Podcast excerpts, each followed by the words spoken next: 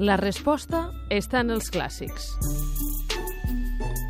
I avui a la resposta estan els clàssics, un intercanvi de cartes entre Joan de Montpalau i Joan el Martorell, que és molt curiós perquè es feia penjant cartells de cartes, d'aquestes cartes, per València, i llavors la gent els llegia qui en sabia, i si no, eh, hi havia algú que ho llegia i ho feia entendre als altres. Ens ho explica el Joan Santanac, que és el nostre medievalista de capçalera, que avui a través d'aquest fragment també eh, compartirem una lliçó amb els nostres fills. Explica'ns, com era això, aquests intercanvis de cartes? Ah, això ho feien quan, quan els cavallers tots eren cavallers i llavors es desafiaven, tenien una qüestió d'honor, aquí al voltant hi ha una germana de Joan Martorell que ha estat maltractada i llavors doncs, Joan Martorell desafia Joan de Montpalau, Joan de Montpalau respon i així fins a gairebé una vintena de cartes que van penjar per València i per tant, diguem, allò que els draps bruts es netegen a casa, això és exactament el contrari, no? I per tant, la, la germana d'Amiata Martorell al final no es va poder casar perquè tots els seus draps bruts es van airejar per, per València.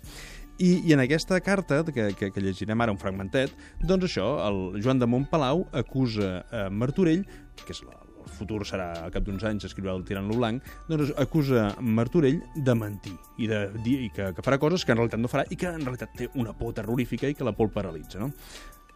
Llegeixo? Doncs som-hi. Diu, en la vostra lletra mentiu quan dieu que jo hauria alterat la veritat i escrit paraules indignes.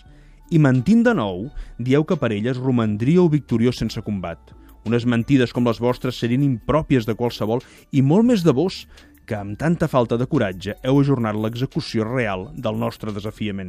I certament, abans que en paraules o amb actes penseu avantatjar-me una mica, del vostre coratge florirà un nou fruit de covardia i la por farà que us suïn tots els pèls, del cap fins als peus, i la gent s'adonarà que heu dit tantes falsedats per desesperació que us suïn tots els pèls del cap fins als peus. Sí, la imatge no és gaire bonica i a la carta següent Martorell se'n riu bastant. Eh? Martorell sabia més d'escriure que no pas Montpalau. Ai, la mentida, no? Ai, la, la mentida. mentida. La mentida. I com gestionar-la, no? Eh...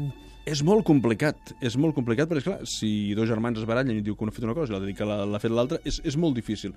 Uh, clar, el consell sempre és complicat, eh? però el, el meu consell, i el que jo intento aplicar, és uh, entengueu-vos vosaltres heu de parlar, heu de gestionar vosaltres aquestes mentides. Vosaltres sabeu què ha passat. Nosaltres no podem prendre, els pares no podem prendre partit per un altre en aquests casos si no en tenim més elements. Per tant, gestioneu la mentida perquè vosaltres sabeu quina ha estat la veritat i sobretot el que dèiem que diem sempre, no? que si nosaltres eh, diem mentides, eh, estem legitimant la mentida, per tant, Evident. siguem conseqüents. No? Sí, sí, els pares... Tot i que ells diuen que mateixen per no fer enfadar els pares, eh? això també. Eh? Aquesta no me l'han dit, sí, veus? Sí, eh? Som sí. més petits.